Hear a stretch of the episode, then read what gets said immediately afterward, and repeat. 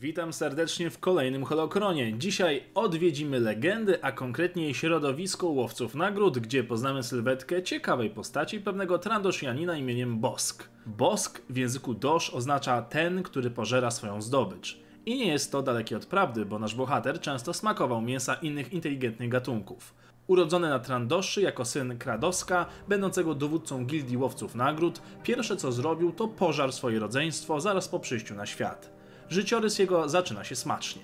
Szkolenie, jak i pierwsze wojownicze doświadczenie Bosk zdobywał polując na łukich. To dla jego gatunku było powszechnym sportem, który dla innych ras był porównywalny z samobójstwem.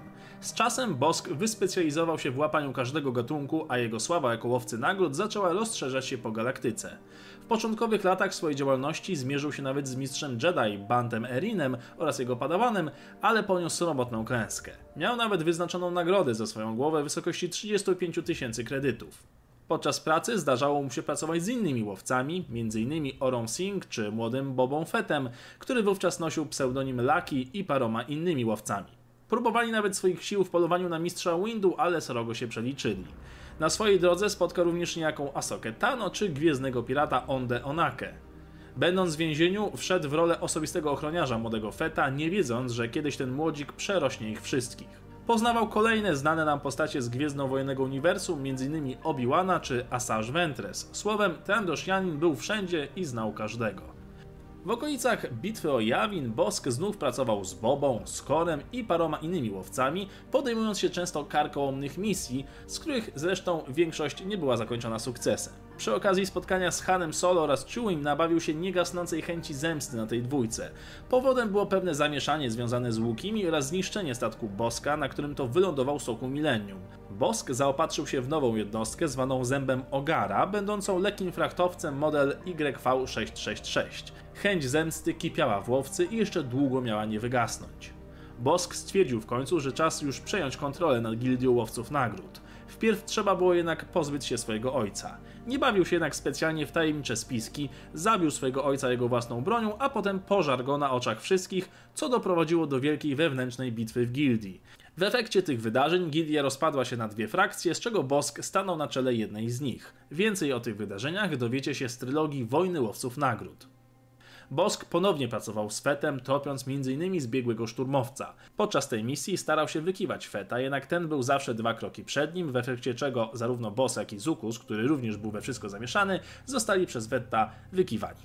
Niedługo potem Bosk został wysłany przez Jabbę, by ten ujął niejakiego Skywalkera, który właśnie pojawił się na Tatooine. Schwytany w końcu Skywalker uciekł mu jednak przy okazji ucinając Boskowi ręce oraz jedną nogę.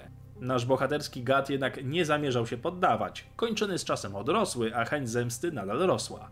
Ponownie zaczaił się na Skywalkera i raz jeszcze dostał bęcki. Musiał przyznać się do porażki, za którą to Jabba strącił go do jamy Rancora.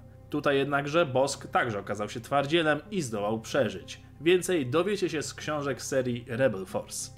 W kolejnych latach Bosk angażował się w schwytanie ludzi z listy poszukiwanych przez imperatora, tzw. Tak Emperor's Most Wanted, czyli wszelakiej maści przedstawicieli rebelii. Zarobił na tych robotach niemałe kwoty.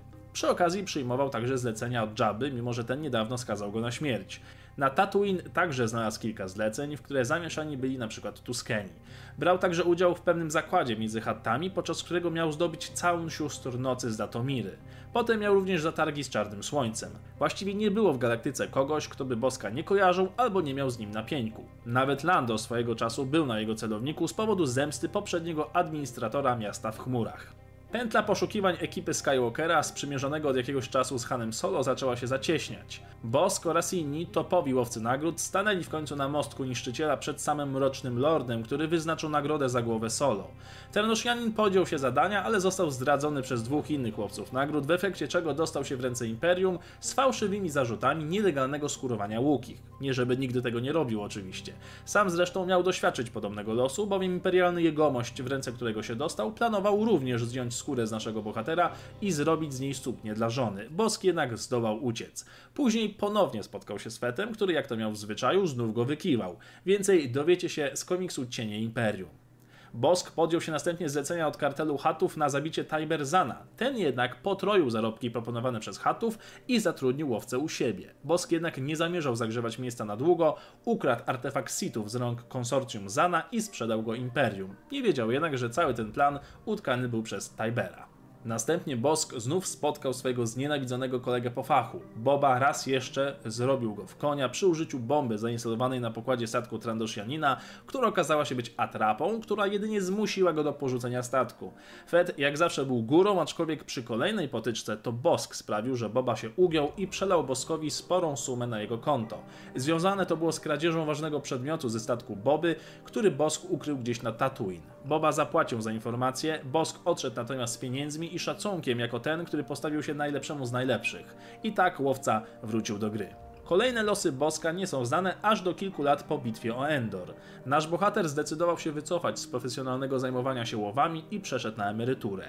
Wiele lat później spotkał Solo na stacji kosmicznej orbitującej nad Ord Mantell podczas wojny z Yuzan Wong. Naśmiewał się ze śmierci Ciułego, przez co dostał popysku i obaj panowie wylądowali w celach. Solo wyszedł jednak jako pierwszy, Bosk musiał zostać. Niedługo potem stacja została zniszczona, jednak tuż przed wybuchem ze stacji wyleciała kapsuła ratunkowa. Możemy się jedynie domyślać, któż mógł się na niej znajdować. To tyle z historii jednego z ciekawszych łowców nagród. Co do uzbrojenia natomiast, Bosk używał mini-granatnika Relbi V10 przerobionej wersji Blastech Industries CSPL-12, będącego w zasadzie małym moździerzem w formie blastera.